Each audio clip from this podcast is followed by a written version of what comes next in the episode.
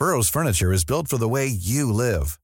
From ensuring easy assembly and disassembly to honoring highly requested new colors for their award-winning seating, they always have their customers in mind. Their modular seating is made out of durable materials to last and grow with you. And with Burrow, you always get fast, free shipping. Get up to 60% off during Burrow's Memorial Day sale at burrow.com slash ACAST. That's burrow.com slash ACAST. burrow.com slash ACAST. Hey, I'm Ryan Reynolds. Recently, I asked Mint Mobile's legal team if big wireless companies are allowed to raise prices due to inflation. They said yes. And then when I asked if raising prices technically violates those onerous two-year contracts, they said, what the f*** are you talking about, you insane Hollywood ass?" So to recap, we're cutting the price of Mint Unlimited from $30 a month to just $15 a month. Give it a try at mintmobile.com slash switch. $45 upfront for three months plus taxes and fees. Promo for new customers for limited time. Unlimited more than 40 gigabytes per month. Slows. Full terms at mintmobile.com. Quality sleep is essential. That's why the Sleep Number Smart Bed is designed for your ever evolving sleep needs. Need a bed that's firmer or softer on either side? Helps you sleep at a comfortable temperature? Sleep Number Smart Beds let you individualize your comfort so you sleep better together. JD Power ranks Sleep Number number 1 in customer satisfaction with mattresses purchased in-store. And now save 40% on the Sleep Number limited edition Smart Bed for a limited time. For JD Power 2023 award information, visit jdpower.com/awards. Only at Sleep Number stores or sleepnumber.com. Palmemordet, Polisspåret, del 6. Sveriges statsminister Olof Palme är död. 90 000. Ja, det är mord på Sveavägen. Hörde de säger att det är Palme som är skjuten. Mordvapnet med säkerhet är en Smith Wesson, en revolver kaliber .357. Inte ett svar. Det finns inte ett svar. För jag har inget. Man i 35 till 40-årsåldern med mörkt hår och lång mörk rock. Det här avsnittet görs i samarbete med er lyssnare. Om ni tycker om den här podden så kan ni gå till patreon.com palmemordet och välja en summa ni vill donera per avsnitt. Det är ett ömsesidigt avtal. Gör jag inga avsnitt, vilket har hänt med alla mina andra poddar i princip, men aldrig med den här, så får eh, jag inga pengar. Eh, en lämplig summa kanske är 2 dollar. Det motsvarar ungefär en, en kaffelatte varannan vecka till mig. Och det kanske ni tycker jag är värd. Patreon.com Palmemordet. Om ni tycker att Patreon är superkomplicerat så funkar det med Swish. Skicka mig ett meddelande på Facebook då. Men inbjudningarna till Palmevandringen den 28 februari 2019 kommer att gå ut på Patreon och enbart på Patreon. Det här avsnittet är också gjort i samarbete med Maxulin ett kosttillskott för män med testofen, magnesium och zink. Beställ via maxulin.se palme. I det här avsnittet ska vi fortsätta granskningen av högerextremismen inom Stockholmspolisen specifikt på VD1. Och jag tänkte börja med att citera vitboken som finns på kommunisterna.org. Eh, där säger de följande på sid 59. Elake K var den som byggde upp den högerextremistiska gruppen inom polisen i Stockholm. Elake K var med och bildade, han heter ju inte så utan namn jag har gett honom då för att dölja hans identitet. Elake K var med och bildade Demokratisk Allians 1967 och blev sedermera organisationens vice ordförande.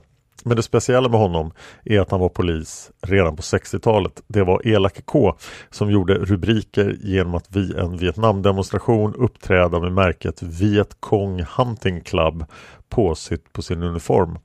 Och det var han som vid olika sammanstötningar mellan demonstranter och poliser uppträdde så brutalt att han fick öknamnet Elake K, om inte i pressen så väl bland dem som fick känna av hans batongslag. Det här är alltså från vitboken då som jag citerade här inte vad jag själv tycker.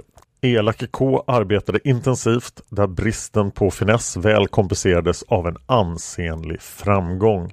I början av 1980-talet är den högerextremistiska gruppen inom polisen i Stockholm så stor och tongivande att polisledningen tvingas tillsätta en utredning för att granska dess verksamhet och utbredning. Resultatet blir att Elake K förflyttas. Han utpekas som centralfigur och drivande kraft inom den högerextremistiska gruppen. Men Elake K försvinner inte till någon undanskymd plats. Han sparkas snett uppåt till ordningspolisen där han blir nära medarbetare till chefen Sune Sandström. Idag när vitboken skrevs då, chef för Säpo. Från denna position kan Elake K lugnt fortsätta sitt infiltrationsarbete. Elake K arbetar i skymundan några år men 1986 dyker hans namn upp igen då som sekreterare i en grupp inom polisen som utrett behovet av en särskild antiterroriststyrka av västtysk modell. Elake K är med och presenterar utredningsgruppens förslag som knappast är sensationellt om man betänker att en före detta ledande DA-medlem fungerat som dess sekreterare. Eh, vi har kommit fram till att det behövs en antiterroriststyrka i Sverige, konstaterar Elake K. Och utredningen men undviker att precisera vad i detta behov består och vad styrkans arbetsuppgifter ska utgöras av. Men naturligtvis är det inte svårt att peka ut Elake Ks bevekelsegrunder, tycker vitboken. Han vill skapa en pålitlig aktionsgrupp mot allt som är progressivt och vänster. Det är förstås väldigt intressant för vitboken att peka på de här eh, högerextrema strömningar som ju är ja, på andra sidan den politiska skalan jämfört med dem. Och de fortsätter. Elake K var den drivande kraften bakom uppbygget av den högerextremistiska gruppen inom polisen i Stockholm. Men han agerade inte ensam. Vid sin sida hade han polisinspektör Polisman B. Också han med rötterna i Demokratisk allians. Redan i slutet av 1970-talet lyckades Elake K och polisman B skaffa sig ett slags kontroll över den polisiära verksamheten i Stockholm city, tror vitboken. Framförallt via en stark ställning inom Norrmalmsdistriktet där den högerextremistiska kärnan finns. Gruppen kan nu börja välja vilka som ska arbeta i city genom att polismän som anses opassande trakasseras och fryses ut. En bit in på 1980-talet tar gruppens verksamhet mer organiserade former. Det är nu Polisman B börjar anordna sina kamratträffar.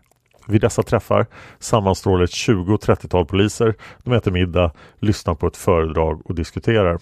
Deltagarna kommer från olika delar av polisen i Stockholm men kärnan utgörs av Norrmalmspolisens A-tur och den så kallade Baseballligan och kamratträffarna är inte så oskyldiga som beteckningen anger. Det är fråga om rena fascistiska möten. Det förekommer tysk marschmusik, Hitlerhälsningar och föredragshållaren är undantagslöst från den yttersta högerkanten. Låt oss ge oss några exempel på föredragshållare. Göran A, kolumnist på Svenska Dagbladet, föredragshållare inom näringslivet och en av ideologerna bakom SAFs politisering av verksamheten. Eh, Lennart H, advokat i Stockholm med anknytning till det ökända EAP. Lennarts föredrag inför Kamratklubben handlade om totalitär lagstiftningsteknik med slutsatsen att Sverige alltmer utvecklas till ett Sovjet-totalitärt samhälle. Lennart H figurerar också bakom boken Högerspöket som är starkt kritisk till Olof Palme.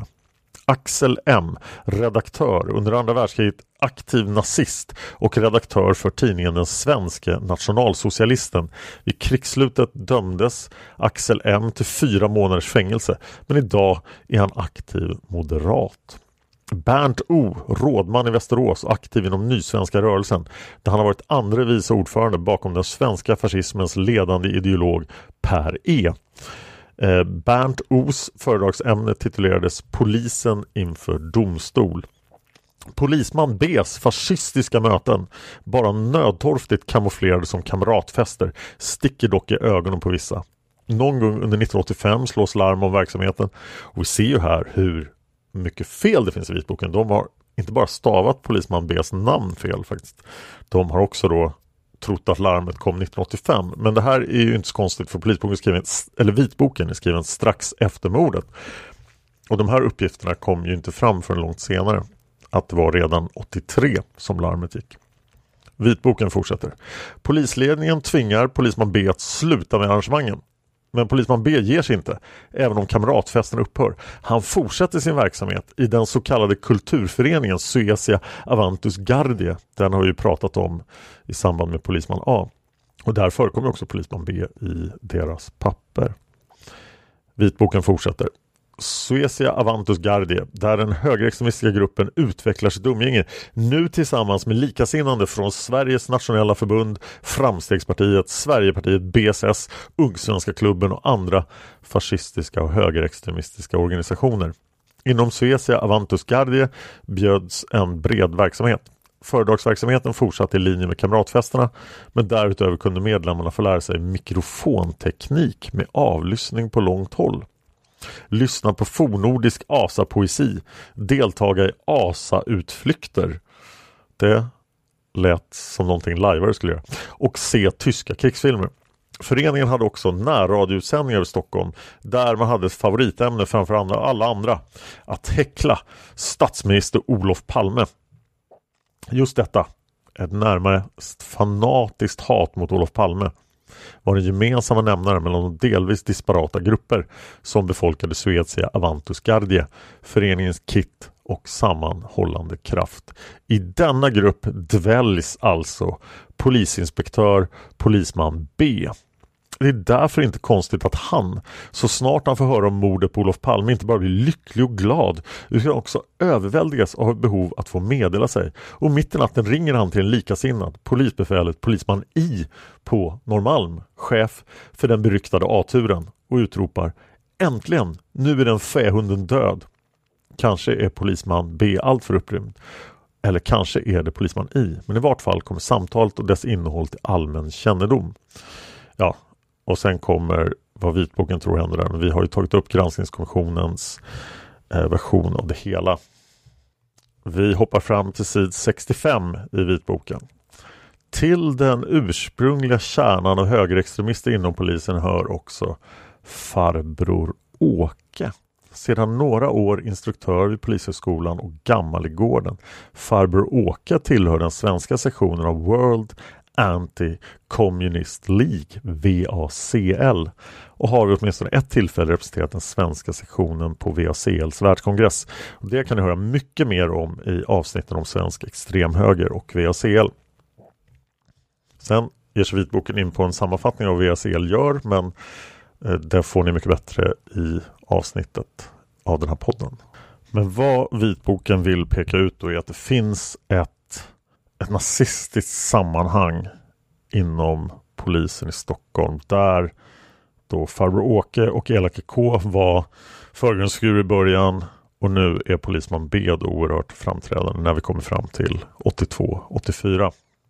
Huvudnumret i det här avsnittet och säkert det kommande avsnittet också om inte fler är rapporten om högerextremism. Den som jag nämnde i Polisspåret del 4 och i Polisspåret del 5.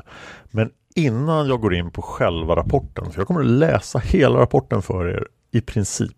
Jag, jag kan hoppa över några delar som inte är superintressanta.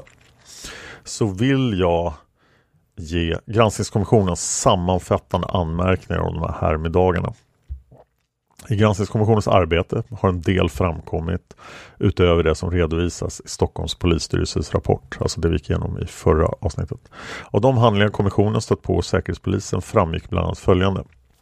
I ett ärende benämnt SK882 fanns en pärm märkt projekt Adolf, som jag nämnde tidigare, som till största delen tog sikte på de aktuella sammankomsterna. Pärmens innehåll utgjordes av vad som såg ut som ett arbetsmaterial dit handlingar av olika dignitet hade förts. Huvuddelen bestod av vad som kallades en personförteckning upptagande ursprungligen 53 namn. Sedan hade ytterligare namn påförts mot slutet med blyerts. Listan upptog då kommissionen tog del av den 63 punkter. Alla personer var inte poliser till exempel fanns en domare, en journalist och en advokat med och de hörde ni om alldeles nyss från vitboken. Den senaste påföringen verkar vara gjord i mars 1996. I permen fanns inledningsvis ett antal promemorier med allmänna beskrivningar av verksamheten. Bland annat en promemoria från mars 1983 med titeln angående högerextremistisk sammanslutning med anknytning till poliskåren i Stockholm. Den innehöll uppgifter om polisman B. Den uppgavs vara nazist och klart motståndare till det rådande demokratiska statsskicket. Han sades ha stort inflytande inom polisen, som vi också nämnde i förra avsnittet. Sammankomsterna beskrevs, deltagarna uppgavs vara handplockade, 16 personer namngavs som deltagare. I följande promemoria och anteckningar beskrevs fler sammankomster, vilka som deltagit, vilka ämnen som hade avhandlats. Det framgick att de deltagande polismännen i stort sett alla kom från VD1. En promemoria från februari 1984 hade följande lydelse. Uppgifter om sammanslutning vid Stockholmspolisen som eventuellt kan betecknas som högerextremistisk. I mars 1983 blev det känt vid säkerhetsavdelningen att en herrklubb fanns vid VD1 och att det inom denna fanns en dragning åt högerextremism. Enligt uppgifter hade klubben funnits åtminstone sedan början av 1982. Dess ledare och organisatör av sammankomster är polisman B. Klubben har sedan början 1982 och till dags dato haft åtminstone 11 sammankomster. Dessa äger regelmässigt rum i van der Lindeska valven vid Västerlånggatan i Stockholm. Den här restaurangen finns kvar än idag och på bookatable.se kan man läsa Von der Lindeska valvet hittar du i Gamla stan i Stockholm. Under ett vackert valv från 1633 får du njuta av traditionell svensk husmankost i en avslappnad och stillsam miljö. Jag har inte varit där och eh, nej, vi kommer inte att börja Palmevandringen där heller. Granskningskonventionen fortsätter. Sammankallande är polisman B. Någon kallelse eller affischering förekom inte utan budskap om sammankomst framfördes muntligt till var och en av polisman B. Sen följer ett stycke som vi redan tog upp i förra eh, avsnittet i Lars Borgnäs beskrivning av det här. Eh, sen kommer ett intressant stycke. Ämnen för föreläsningar är som regel valda i en anda som speglar polisman Bs politiska inställning. Följande kända ämnen har förekommit. Eh, överlevnad föreläsare från FOA, känd från kontakter med högerextrema organisationer. Kappruppning i öst kontra kapprustning i väst. Föreläsare som har förekommit två gånger. Namnet har maskats. Vänstervridningen i pressen. En föreläsare från Idrottsbladet. Terrorism. En föreläsare från FOA. Andra föredrag har rört bland annat rätts och skolfrågor. Föredragshållare utöver ovan nämnda har varit advokat, namn blockerat, förmodligen Lennart H då, kammaråklagare, namnblockerat samt en tingsrättsdomare med flera. Vid säkerhetsavdelningen finns namnuppgifter på 40 polismän som vid något tillfälle besökt tillställningarna. Normalt brukar 25-talet besökare finnas vid sammankomsterna. I senare promemorior sades att sammankomsterna troligen upphört. Det fanns ingen dokumentation över att sammankomster skulle ha ägt rum efter 1984. I permen följde därefter registeruppgifter och foton på de registrerade personerna. I något fall förekom tidningsklipp. Här och där fanns lösa blyertsanteckningar om hos de aktuella personerna förekommande karaktärsdrag. Av såväl permens beteckning som det som sades i dess innehåll framgick att Säkerhetspolisen gjort bedömningen att sammankomsterna var att betrakta som nazistiska eller i vart fall att de arrangerades av personer som rätteligen kunde betecknas på det sättet. Det sades inte som i polisstyrelsens rapport att nazisthälsning förekommer vid något tillfälle utan att det förekommer. Uppgiften att flera av deltagarna bara närvarat vid något tillfälle och då kanske utan att i förväg haft sammanhanget alldeles klart för sig vann dock visst stöd i Säkerhetspolisens material. Av det senare framkom emellertid också att gästerna utvaldes och inbjöds särskilt av polisman B som syntes ha åtnjutit respekt hos i vart fall en del av sina kollegor. Det var alltså inga öppna möten. Kommissionen som utgår från att polisstyrelsen via Säkerhetspolisens föredragning fick tillgång till de uppgifter om sammankomsterna som finns hos Säkerhetspolisen har mot denna bakgrund intrycket att polisstyrelsens kommentar till företeelsen är något överslätande. Visserligen är det riktigt att man av företeelsen inte kan dra några slutsatser om citat förekomster av en mer utbredd eller organiserad förekomst av högerextremistiska uppfattningar inom polisdistriktet. Slutcitat.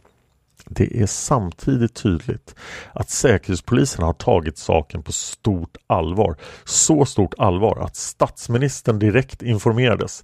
Det finns därför anledning att förmoda att polisstyrelsen varit mer oroad än vad som framgår i dess kommentarer. Det är två saker som särskilt borde varit ägnade att oroa.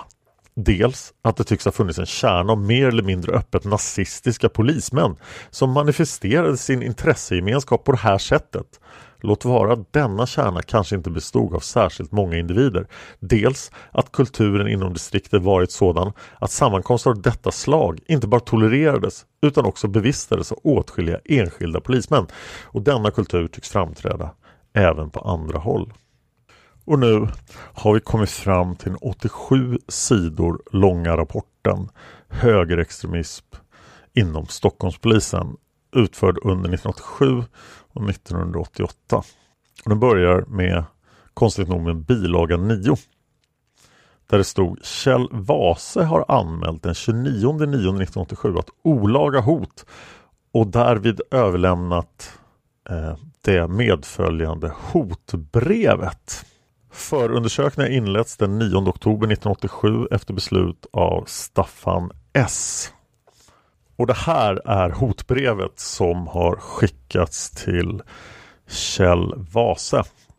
Ni ska sluta med att förfölja polisen i samband med mordet på kommunistsvinet Olof Palme. Han försökte lära sig att simma ryggsim i sitt eget blod. Det lyckades inte.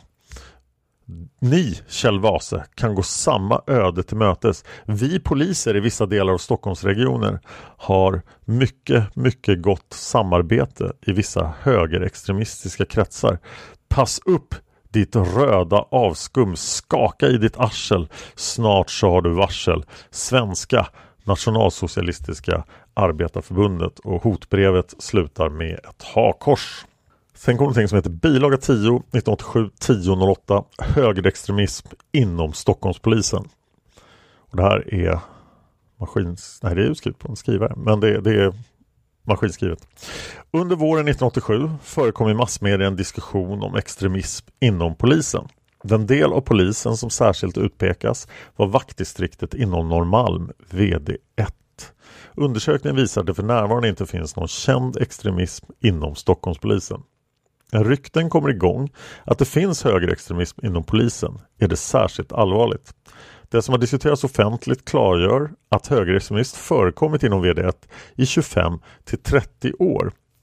Det sägs främst ha förekommit utom tjänst, på fritiden men i sällskap av poliser. Det finns inga bindande bevis, mycket rykten, hörsägen. Misstanken är ändå tillräckligt för att vi ska se allvarligt på det här och åtgärder måste vidtas för att kartlägga de misstankar som framförts och stoppa alla tendenser till extremism som kan förekomma. Justitieminister Wickbom har klart sagt ifrån att högerextremism inte får förekomma inom polisen. Hittills till i diskussionen har det varit delade meningar om vad som förekommit vid bland annat möten som i diskussionen allmänt klassificerades som herrklubbsmöten. Enligt uppgift från polisen har man bedömt företeelsen som harmlös och utan intresse för säkerhetspolis eller åklagare. Vi anser att man inte kan bagatellisera dessa klubbmöten då en stor grupp poliser deltagit. Tveklöst har åsikter som benämns högerextremistiska framförts. Förutom extremistiska åsikter har även ett klart kvinnoförakt förekommit. Ett av syftena med klubbverksamheten var att citat komma ifrån kärringen. Slutcitat. Klubbverksamheten upphörde 1984. Vad som också framkommit är att det vid en fest direkt efter mordet på statsminister Olof Palme utbringats en skål för mördaren. Var det en skål i dumhet, berusning, okunnighet eller som en demonstration av extremism? Det har inte varit någon enstaka företeelse utan under åren har det vid upprepade gånger förekommit tendenser som klart kan benämnas högerextremism. Alla de olika iakttagelserna kan inte ha förekommit av en ren händelse utan får nog anses planerade och med ett syfte att samla poliser med åsikter som av övriga i samhället bedöms som extremistiska. Den fråga vi ställer oss är varför inte polisstyrelsen fick information om de misstankar som fanns om högerextremism innan massmediadebatten började. Kände inte ledningen till de träffar som förekom eller den personalfest som anordnades direkt efter mordet på statsminister Olof Palme? Vad är ledningens bedömning av den skål som utbringades för mördaren? Att den förekom anser vi helt bevisat. Anser inte ledningen att om skålen var allvarligt menad får man anse att faran är uppenbar att extremistiska åsikter finns inom kåren. I det så kallade Södermalmsärendet har en misstänkt som anses ha mycket extrema åsikter rymt. Hur kan det hända när mannen behövs i det fortsatta utredningsarbetet med klarläggandet om bland annat extremism inom polisen? Oavsett hur mycket som kommer bekräftas i det pågående översynsarbete anser vi ändå att följande åtgärder omedelbart, omgående bör vidtas. 1. Av vad som framkommit hittills är det främst inom VD1 och krimjouren som extremism förekommit. Vi anser att detta omedelbart måste åtgärdas genom allmän prevention och utbildning. Polisen bör mer aktivt delta i samhällsdiskussionerna genom bättre kontakter med folkrörelsen, eh, kyrkan, riksdag, landsting och kommuner. Och Detta kan exempelvis göras genom studiebesök och gemensamma möten. 2. Den polis som organiserat herrklubbsverksamheten, Polisman B, bör undergå disciplinprövning hos Rikspolisstyrelsens disciplinnämnd. 3. Styrelsen bör hädanefter regelbundet få information om extremistiska tendenser inom polisen och vilka åtgärder som sätts in för att bekämpa dem. 4. Polisstyrelsen bör omedelbart informeras om högerextremism i samhället och vilket ansvar som styrelsen bör åläggas. Det har före 5. Det har förekommit att polisbilar, poliser på sina uniformer med mera använt politiska märken eller slagord. Detta får inte förekomma. Vad avser ledningen eh, att göra för att förhindra detta i fortsättningen? Stockholm den 8 oktober 1987 Socialdemokratiska gruppen i polisstyrelsen är alltså avsändaren för det här bilaga 10. Då. Och den är då främst underskriven av Roland Örn Eh, S-gruppledare inom polisen. Nästa papper i rapporten är bilaga 12. Eh, de kommer i väldigt märklig ordning här men jag har behållit ursprungsordningen som finns i dokumentet. Ni kan hitta det här dokumentet på MOP-arkivet. Fråga mig så lägger jag upp en länk. Bilaga 12, 87, 10, 26. Det är handskriven, ett handskrivet brev som skrivet på polismästarens sekretariats brevpapper. Om en polisman visar sig på sin fritid ha sådana extrema åsikter och eller därav betingat beteende att det är ägnat att minska allmänhetens var god vänd.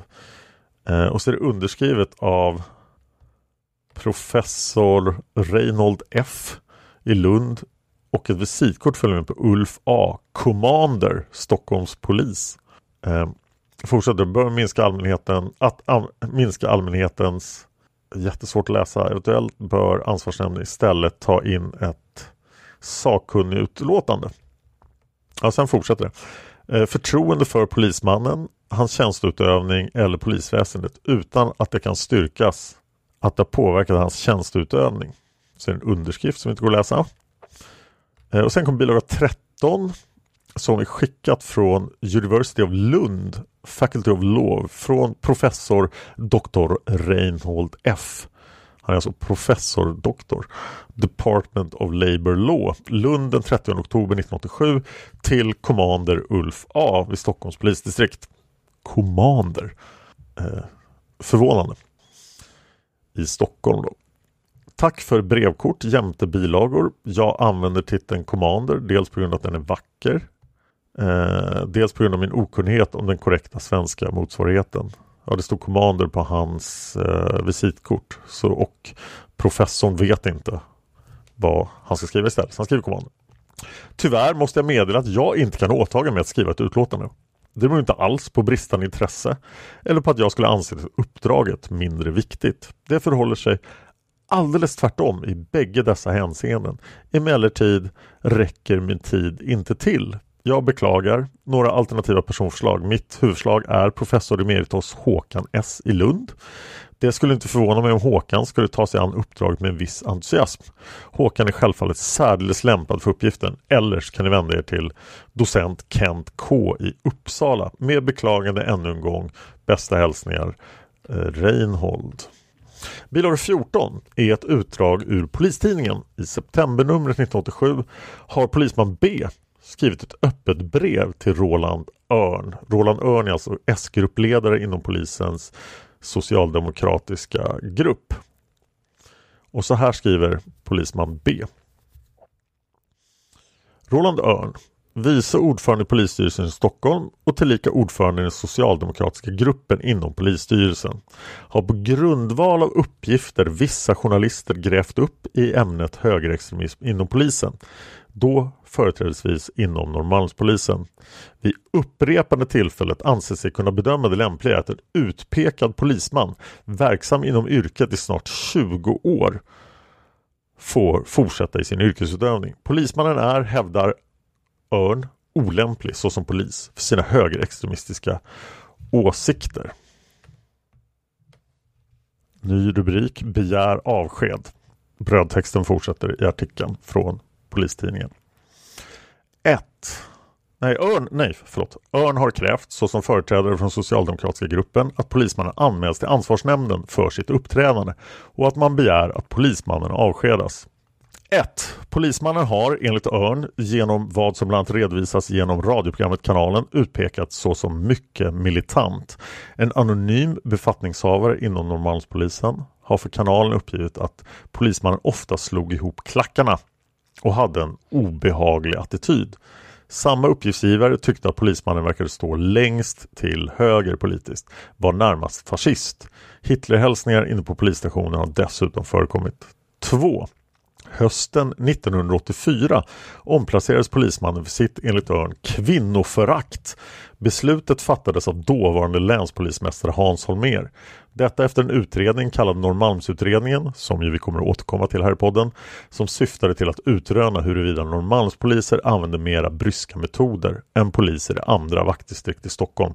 Det här var intressant för här får vi veta att omplaceringen av polisman B skedde hösten 1984 på beslut av Hans Holmer. Och det skulle kunna förklara varför då polisman B skulle jubla när Hans Holmer avgick som spaningsledare. Artikeln fortsätter. 3. Polismannen organiserade enligt Örn hemliga sammankomster i en källarlokal belägen i Gamla stan där föredrag hölls i högerextremistisk anda. Inbjudna till sammankomsterna var enligt Örn poliser och högerextremister. Enligt ännu ej bekräftade källor påstår Örn att polisman Bs sammankomster rapporteras direkt till Olof Palme via Holger Romander. Olof Palme ska enligt uppgift ha tagit mycket illa vid sig. Enligt Örn ringde polismannen till vakthavande befäl vid Norrmalmspolisen under mordnatten och jublade över att Olof Palme var död. Enligt Örn och kanalen har polismannen också ansett att Olof Palme var en fähund. Sen kommer en ny rubrik. Kan inte acceptera knivhugg. Brödtexten fortsätter. Och Det är alltså polisman B som skriver själv. För att punkt för punkt bemöta Örns anklagelser vill jag, så som den utpekade polismannen till Örn och övriga, säga följande. 1. Det är korrekt att jag under min tid som ordningspolis varit en förespråkare för välvårdade, kortklippta poliser i uniformstjänst. Jag har också ansett viktigt att en polisman i uniform uppträder respektingivande med ett korrekt uppträdande i olika situationer. Uppenbarligen anser Örn och någon enstaka polis som önskar vara anonym att en sådan inställning är trångsynt, förlegad eller rent av fascistisk. Den Many of us have those stubborn pounds that seem impossible to lose, no matter how good we eat or how hard we work out. My solution is PlushCare. PlushCare is a leading telehealth provider with doctors who are there for you day and night to partner with you in your weight loss journey. They can prescribe FDA-approved weight loss medications like Wagovi and Zepbound for those who qualify. Plus, they accept most insurance plans. To get started, visit plushcare.com slash weight loss. That's plushcare.com slash weight loss. Cool fact a crocodile can't stick out its tongue. Also, you can get health insurance for a month or just under a year in some states. United Healthcare short term insurance plans, underwritten by Golden Rule Insurance Company, offer flexible, budget friendly coverage for you. Learn more at uh1.com. If you're looking for plump lips that last, you need to know about Juvederm lip fillers. With Juvederm Volbella XC and Juvederm Ultra XC, your lip look, whether it's subtle or bold, can last up to one full year with optimal treatment and no additional maintenance. Find a licensed specialist and see if it's right for you at juvederm.com today. That's J U V E D E R M.com. Add fullness to lips in adults over 21 with Juvederm Volbella XC or Juvederm Ultra XC. Do not use if you have severe allergies or a history of severe allergic reactions, or if you're allergic to lidocaine or the proteins used in Juvederm. Tell your doctor if you have a history of scarring or taking medicines that decrease the body's immune response or that can prolong bleeding. Common side effects include injection site redness, swelling, pain, tenderness, firmness, lumps, bumps, bruising, discoloration, or itching. As with all fillers, there's a rare risk of unintentional injection into a blood vessel, which can cause vision abnormalities, blindness, stroke, temporary scabs, or scarring. For full important safety information, visit juvederm.com. Eller de som vill påstå att jag under mina år som polis avvikit från ett demokratiskt beteende eller inte varit politiskt objektiv i min kontakt med allmänheten i min yrkesutövning eller inte uppträtt så som det anstår en polisman måste definitivt träda fram och förklara sig. Detta är mycket viktigt. Jag anser att man inte kan acceptera några knivhugg i ryggen. Varifrån från Örn eller som jag ser det från mindre seriösa journalister. 2. Mitt påstådda förakt vad gäller kvinnliga poliser är klart överdrivet.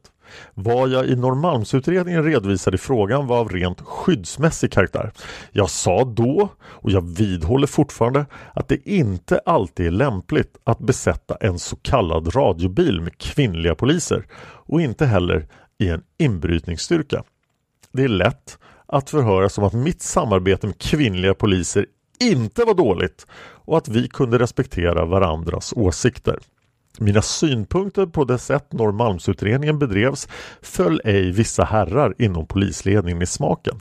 Varför jag anser att skälet till att jag omplacerades var en konstruktion för att ha något resultat att meddela press och allmänhet. Man är med andra ord förhindrad att ha för vass tunga och ha en annan uppfattning än den för tillfället rumsrena. Och sen kommer polisman B att ge sin bild av härmiddagarna. Så nästa rubrik i artikeln är härmiddagar. Och polisman B fortsätter. 3. De härmiddagar eller fester jag anordnade i Gamla stan skedde i en festlokal under ordnade former. Middagarna var på intet sätt hemliga av högerextremistisk karaktär eller som det påståtts fascistiska. Härmiddagar eller de så kallade mötena anordnades av mig under värdiga former på så sätt att poliser och andra vänner till mig åt middag tillsammans. Och här verkar en bit av artikeln saknas. Det finns en annons där det står om en loppmarknad där poliser får köpa och sälja saker i tidningen.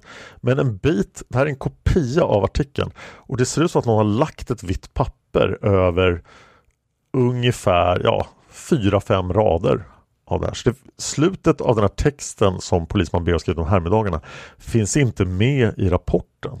Utan det kommer istället en ny rubrik. Negativ mot Olof Palme. 4. När jag tidigt på morgonen via radio hörde att någonting hade hänt med Olof Palme fann jag det ganska naturligt att ringa till vakthavande befäl vid min gamla arbetsplats för att få reda på vad som hade hänt. När jag fick reda på att Olof Palme hade skjutits uttryckte jag mig enligt uppgift till befälet rörande Olof Palme som person på ett sådant sätt att han beslöt rapportera om telefonsamtalet till chefen för Norrmalmspolisen. Vad jag exakt yttrade vid telefonsamtalet har jag svårt att erinra mig. Men jag gör ej någon hemlighet av att min personliga inställning till Olof Palme och det han representerade har för mig varit mycket negativ. Jag vill i sammanhanget påpeka att jag i egenskap att jag inte i egenskap av polisman visat min inställning i massmedia. Denna min högst personliga inställning har offentliggjorts till kanalens journalister via en anonym källa vid Norrmalmspolisen. I samband med att min inställning till Olof Palme hade blivit offentliggjord blev jag kontaktad av olika journalister och även kanalens. Jag bad dem då skriva, om något skulle skrivas överhuvudtaget, att jag inte på något sätt jublade över att Sveriges statsminister hade blivit mördad på öppen gata. Jag ansåg det mer angeläget att rota i vem eller vilka som var ansvariga för att statsministern vid tillfället, trots mordhot relativt nära in på händelsen, tillåtits gå hem obevakad samt att undersöka den minst sagt tvivelaktiga handläggningen omedelbart efter skottet. Dessa uttalanden om mig, som jag också personligen redovisat till Örn, har han uppenbarligen, liksom journalisterna, inte funnit särskilt intressanta att redovisa. Vet verkligen Örn vilken slags person han riktar sig mot och kräver ska avskedas? Har Örn ansträngt sig att försöka inhämta saklig information om mitt sätt att utöva polistjänst och lösa olika arbetsuppgifter under snart 20 år? Ny rubrik Skandalreportrar.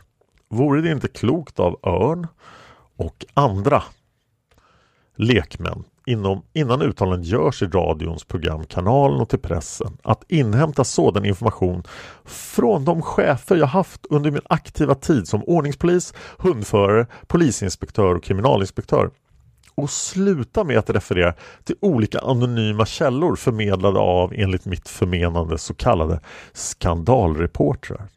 Med tanke på Örns agerande gentemot mig och min person finner jag stor anledning fråga mig om Örn överhuvudtaget kan föreställa sig hur en polismans vardag kan se ut. Vet Örn hur det är att timme ut och timme in bevaka olika känsliga objekt? Vet Örn hur det känns att på sin fritid bli kommenderad att tjänstgöra när något annat planerat tillsammans med familjen? Vet Örn hur det känns att även på sin fritid bli påhoppad och försvara olika polisiära insatser och stå till svars för även vad andra poliser har gjort i sin tjänstutövning? Vet Örn hur det känns att ha is i magen och utstå spott och spe i samband med demonstrationer? Ny rubrik Tungt arbete Vet Örn hur det känns att bli nedspydd, nedpissad, nedblodad eller få en så kallad spottloska i ansiktet och fortfarande behålla sitt lugn? Vet han hur det är att gå skallgång i oländlig terräng i dåligt väder eller i mörker? Vet Örn hur det är att dirigera trafik i ösregn? Vet Örn hur oerhört slitsamt det är att under flera år utan att kunna ändra sin arbetssituation ha oregelbunden arbetstid Vet Örn hur det är att komma till en trafikolycksplats där människor har dödats eller skadats svårt? Vet han hur det är med sina bara händer rota i blod för att leta efter exempelvis utslagna tänder eller andra kroppsdelar? Vet han hur det är att underrätta anhöriga om dödsfall? Vet han hur det är att komma in i en lägenhet där en människa legat död i sommarvärmen ett par månader? Vet han hur det ser ut och hur man ska agera när människor har skjutit sig eller hittat på andra sätt att ta livet av sig? Vet han hur det är att få in en som har gjort på sig en radiobil? Vet han när det krävs att man ska klara av att rädda liv, vara psykolog och kurator samtidigt? Vet han hur man tar hand om en psykiskt sjuk person? Kan han föreställa sig hur man hanterar en farlig alkoholist som slagit halvt ihjäl sin fru och i värsta fall även sina barn? Hur man uppträder gentemot en våldtagen kvinna, hur man ska lösa en tillspetsad situation där hot med vapen förekommer, hur det är att komma in i en bostad där barn eller till och med spädbarn utsatts för grov misshandel. Hur det känns att utreda en trafikolycka med flera bilar inblandade i snöyra och snålblåst på Essingeleden hur man försöker lugna den gamla damen som fått inbrott i sin, inbrott i sin lägenhet eller blivit frånryckt sin handväska innehållande nycklar och hennes sista slantar. Hur man upprättar en enklare trafikkontroll och uppträder gentemot trafikanterna. Hur man lägger band på sig själv, exempelvis i det fall en vuxen man våldfört sig på en liten flicka hur man på bästa sätt i egenskap av befäl kan motivera yngre polismän till bästa möjliga arbetsinsatser, hur tråkiga eller meningslösa de än kan tyckas vara. Hur man på bästa sätt leder en grupp i ordningshållning utan att någon blir skadad.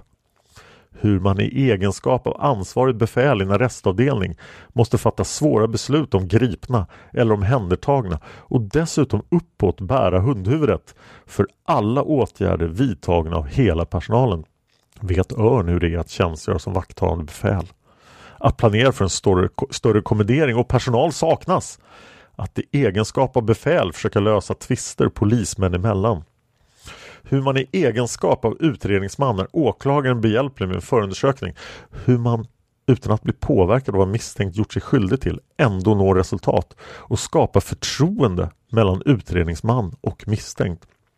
Vet Örn hur det känns när pressen och andra så kallade besserwissers ansett att polisen handlat provokativt när de använt sina skyddshjälmar för att slippa få flaskor och stenar i huvudet och i samband med detta tvingats jobba över 6-8 timmar?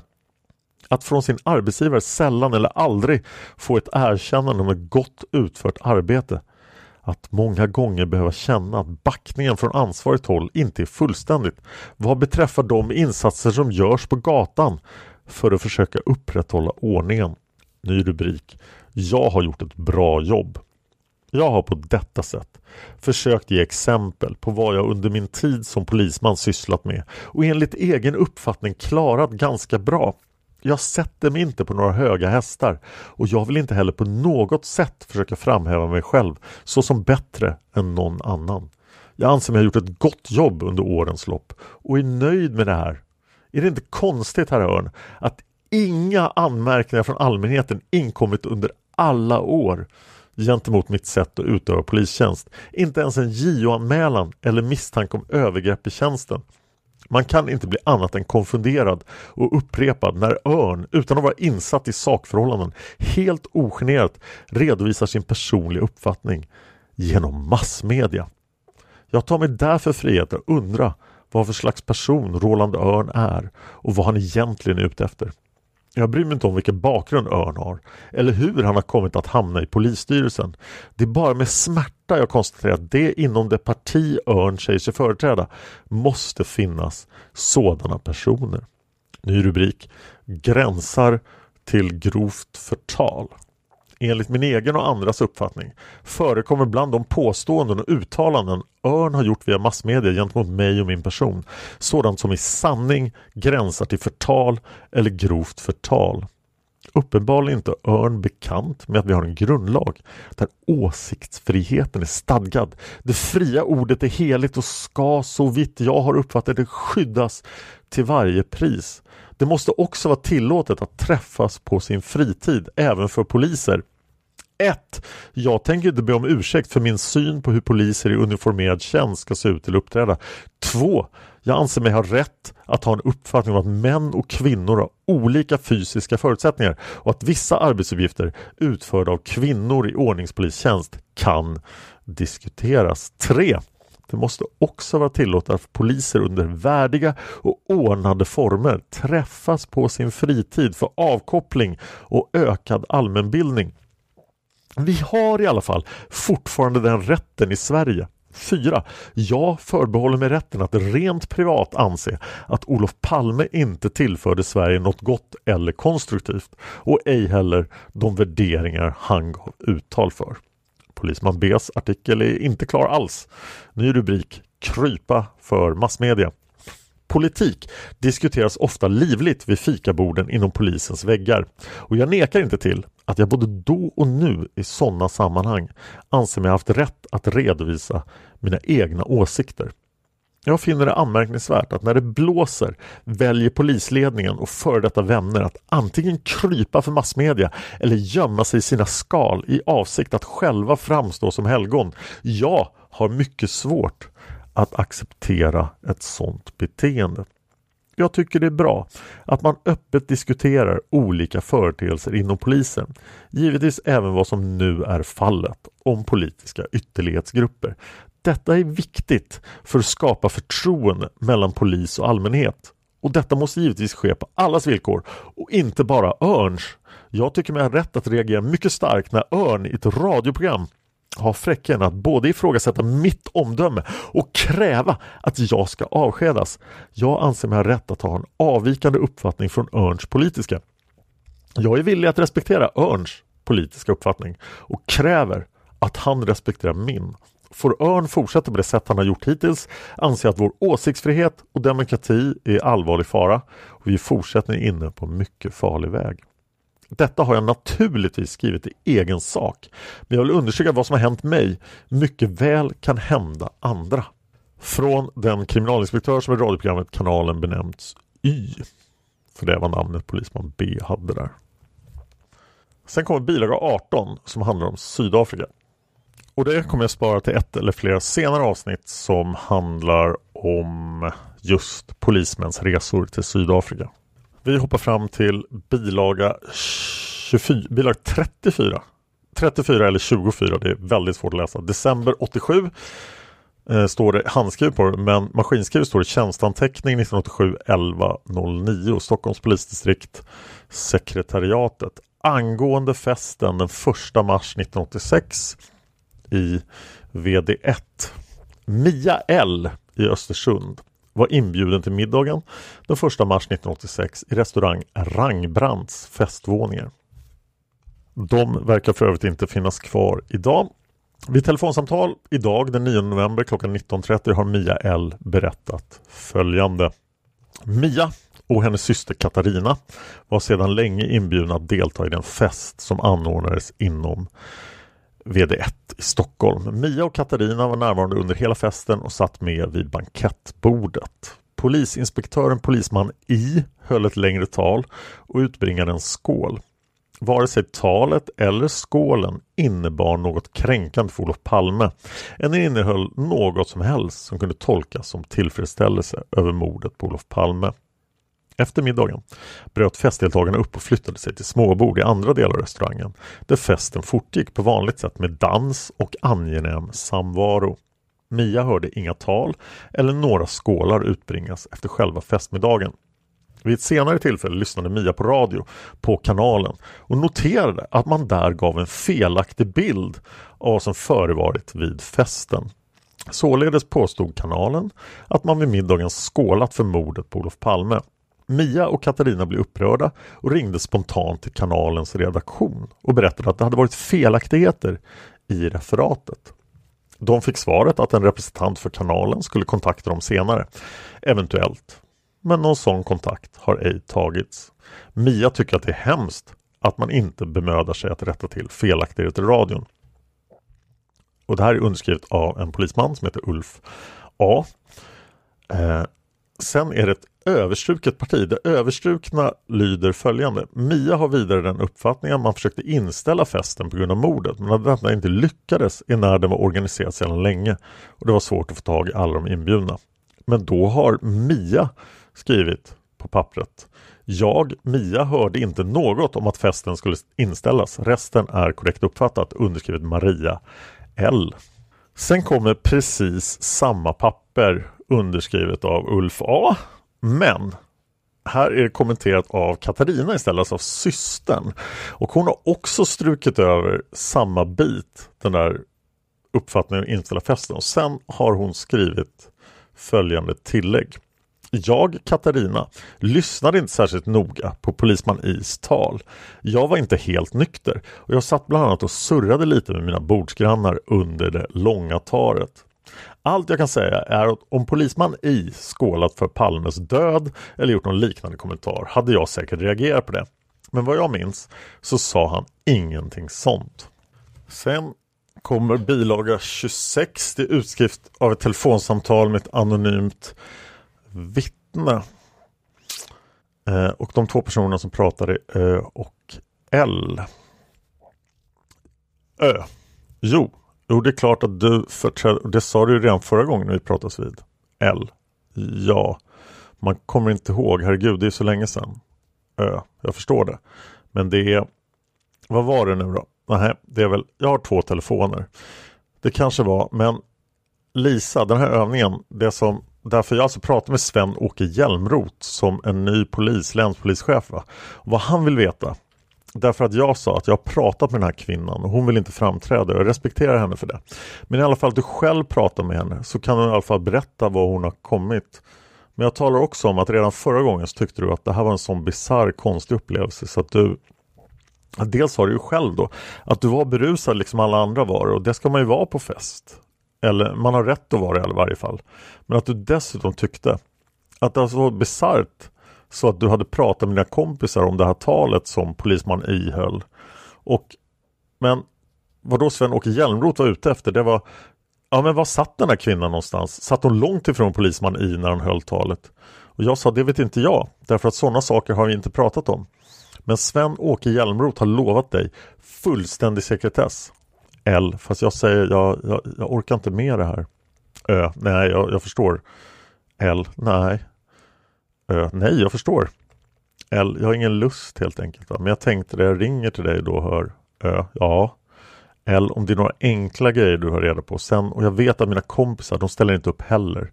Jag har pratat med dem förra gången. Jag menar, de har inte heller. Ö, nej, det har de inte lust med. L, nej. Ö, men då Lise ifall att jag skulle upp säga så här. Jag bjuder på en lunch eller middagsbit för dig och ett par av dina kompisar helt anonymt. Och så bjuder jag in en polare till mig. Och som också får komma helt anonymt. Och så sitter vi och pratar om det där i lugn och avskildhet. L. Nej. Ö. Det går inte. L. Nej. Ö. Ja. L. Nej. Jag vet att de, de ställer absolut inte upp heller. Ö. Det gör de inte. L. Nej. Ö. Nej. L. Jag vet att en av de andra tjejerna hade blivit uppringd. Jag vet inte. Hon hade väl också pratat om det här. För vi reagerade allihop va? Ö. Ja, du sa det. L. Hon hade blivit uppringd av någon och hade liksom bara, nej jag bryr mig inte om det här och lagt på luren. Men jag vet inte vem det var som hade ringt. Ö. Var det någon polis som hade ringt sa du? L. Jag vet inte om det var N eller vem det var. Alltså stort N för hans efternamn. Ö. jaså det. L. Har du hört någonting om det? Ö. Nej, nej, nej, inte alls. L. Ja, jag vet inte om jag har inte pratat med henne sen.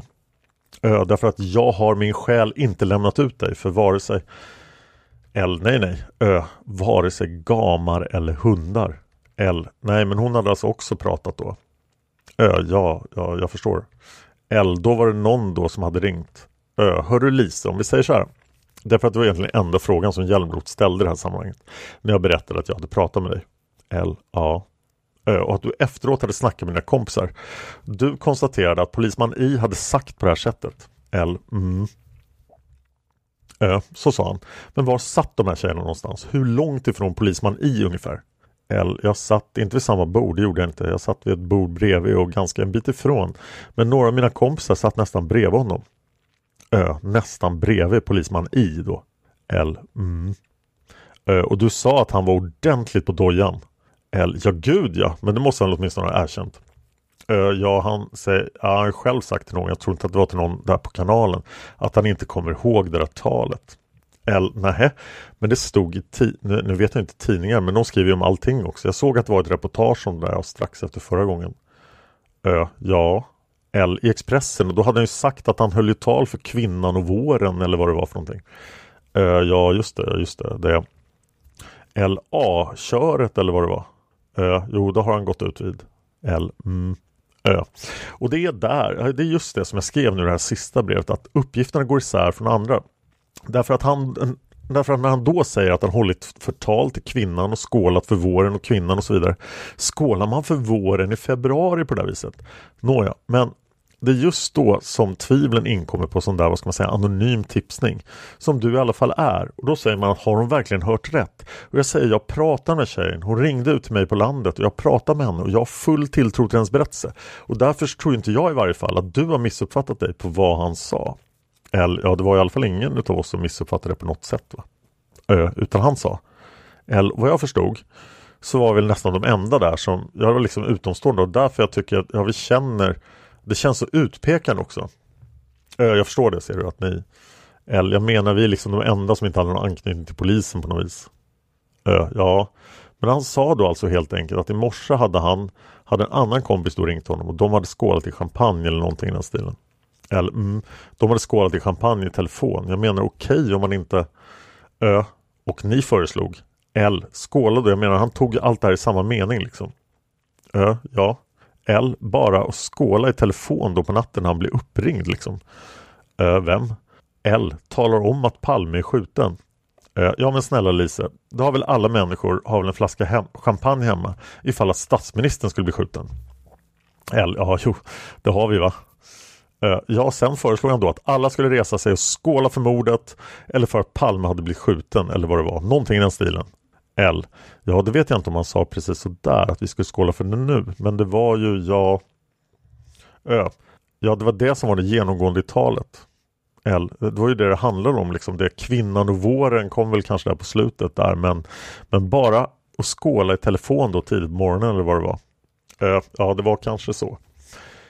L, det tycker jag att då blir det ju chef direkt. Ö. det var kanske skål för alla festiviteter överhuvudtaget. L, ja. Ö som hade varit i det tillfället. Ja, ja Lise. L, man kommer inte ihåg sådär ordagrant va? Men jag menar Ö, nej det är ju länge L, det var inte bara jag som reagerade va? Jag menar det var ingen av oss som var redlösa på något sätt. Ö, nej, men det förstår jag att ni inte kan ha varit. Men, och polisman I var väl inte heller redlös då? Eller jo, han var nog ganska påstruken. Ö, ja, ja. L, fast jag vet, det är svårt att säga, jag känner inte honom annars. Ö, nej. L. Det, då, då, då är det svårt att säga, men han gick bra på örat. Det tyckte vi i alla fall. Och det är klart, det blev han väl mer och mer på kvällen då. Uh, ja, var han L aggressiv människa verkar han vara. Uh, ja, L du som känner honom. Uh, det är lite olika på hur man tar det här med sprit och så vidare. En del ska ju nödvändigtvis spöa en kvinna och en del andra blir väldigt snälla och fogliga och lägger sig och sover. Vi människor är ju lite olika. En del kvinnor blir väldigt keliga och gulliga och en del blir fruktansvärda. L, A, Ö, så att det, ja du Lise, jag skulle ändå vilja därför att jag vet ju inte, Sven-Åke Hjälmroth då som jag fått ett väldigt stort förtroende för. Han har varit Säpo-chef förut. Han har visat en väldigt stor öppenhet emot oss och jag tror på honom. Och jag tycker att det skulle vara väldigt bra ifall han själv fick höra vad du har att säga, även om det är betydelselöst. Därför man inte vet i sådana sammanhang vad det så jag vet inte vad det är som är betydelsefullt eller inte. Utan det kan bara en L. Men jag kan inte berätta något mer för honom än vad jag har berättat för dig. För det kan ju lika gärna du vidarebefordra. Ö, jo, jo, men han kanske inte är 100% säker på att jag översätter saker och ting rätt. va? Därför att det kan vara någon liten nyans, någon liten grunka som, som jag missar. Därför att jag är inte sån där förhörsvan människa. Eller jag kan, jag vet ju inte ens detaljer i spaningsarbetet. va? Därför att vi hålls inte informerade om sånt. Det operativa jobbet. Vill inte du det? L. Nej. Ö. Nej, jag respekterar Lisa. L. Jag gör det inte helt enkelt. Ö. Nej. L. Så enkelt är det. Ö. Ja, nej, ja jag vet. L. Ja. Ö. Jag har förståelse för dig. L. Det känns så himla avlägset där. Det känns nästan fånigt va? Det är ju synd på sätt och vis att man inte tog kontakt med någon dagen efter eller veckorna efter. För man var ju uppriven lång tid efteråt alltså. Ö, uppriven? Eller, ja, man, man tyckte det var gräsigt alltså. Ö, det som polisman I och L, ja. Ö, och hela det här köret då. L, ja. Att en sån gris överhuvudtaget kunde vara polis tycker jag är fruktansvärt. Omdömeslösa människa. Ö, ja. L verkar det vara.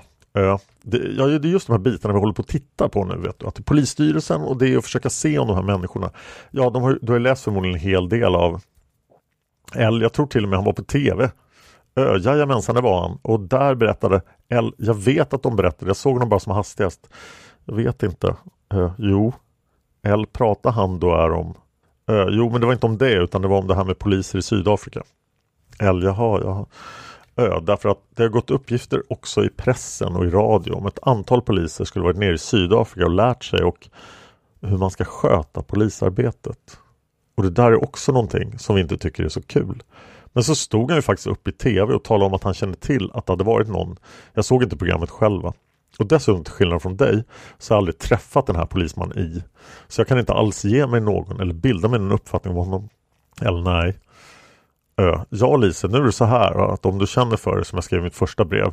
Jag är ju 53 bast och lyckligt gift. Men jag skulle ändå kunna tänka mig att bjuda dig på en liten matbit i all enskildhet vid något tillfälle. Om inte annat när det här är klart. Tycker L nej. Ö, nej. Det är utan förpliktelser och så vidare. L, jaha.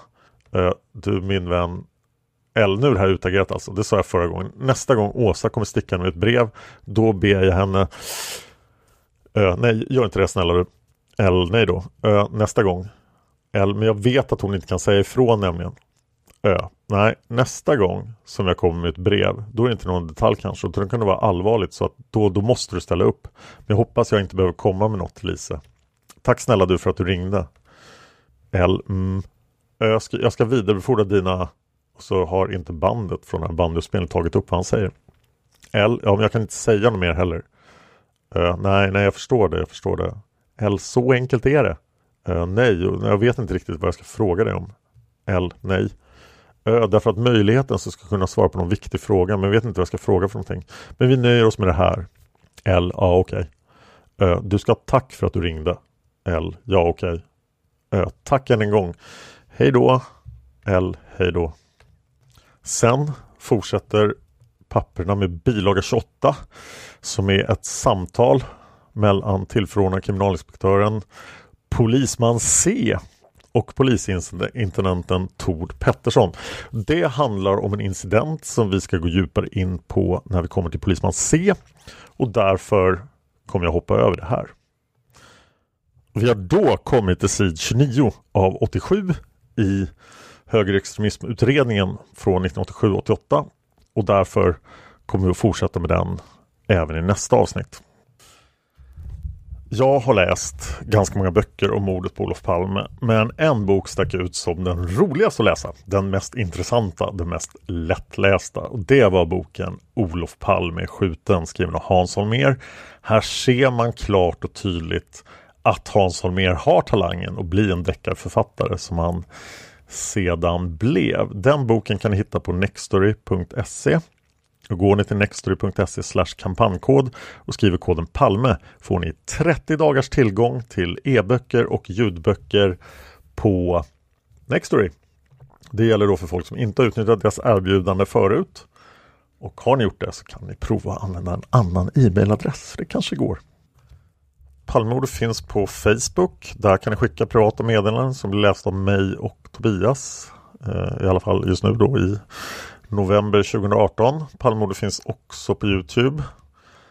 Eh, jag blev under oktober tvungen att ta bort en del videor från kanalen för Youtube var arga på dem. Men nu ska det vara okej. Okay. Så de videor som har försvunnit kommer inte att komma tillbaka. Jag vill hemskt gärna ha iTunes recensioner om ni lyssnar på en Apple-plattform så ge mig hemskt gärna en recension. Jag kommer att läsa alla recensioner förmodligen i ja, ganska snart blir det recensionsläsning igen. Tack till alla som sponsrar Palmemordet på Patreon och tack till dig för att du lyssnar på den här podden. Man hittar Palmes mördare om man följer PKK-spåret till botten. Därför att ända sedan Julius Caesars tid har det aldrig hört talas om ett mord på en framstående politiker som inte haft politiska skäl. Polisens och åklagarens teori var att han ensam hade skjutit Olof Palme. Och det ledde också till rättegång. Men han frikändes i hovrätten.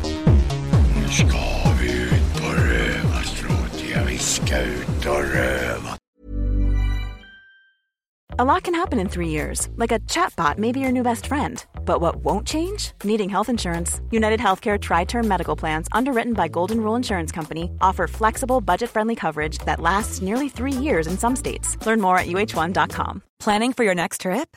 Elevate your travel style with Quince. Quince has all the jet setting essentials you'll want for your next getaway, like European linen, premium luggage options, buttery soft Italian leather bags, and so much more and is all priced at 50 to 80% less than similar brands. Plus, Quince only works with factories that use safe and ethical manufacturing practices.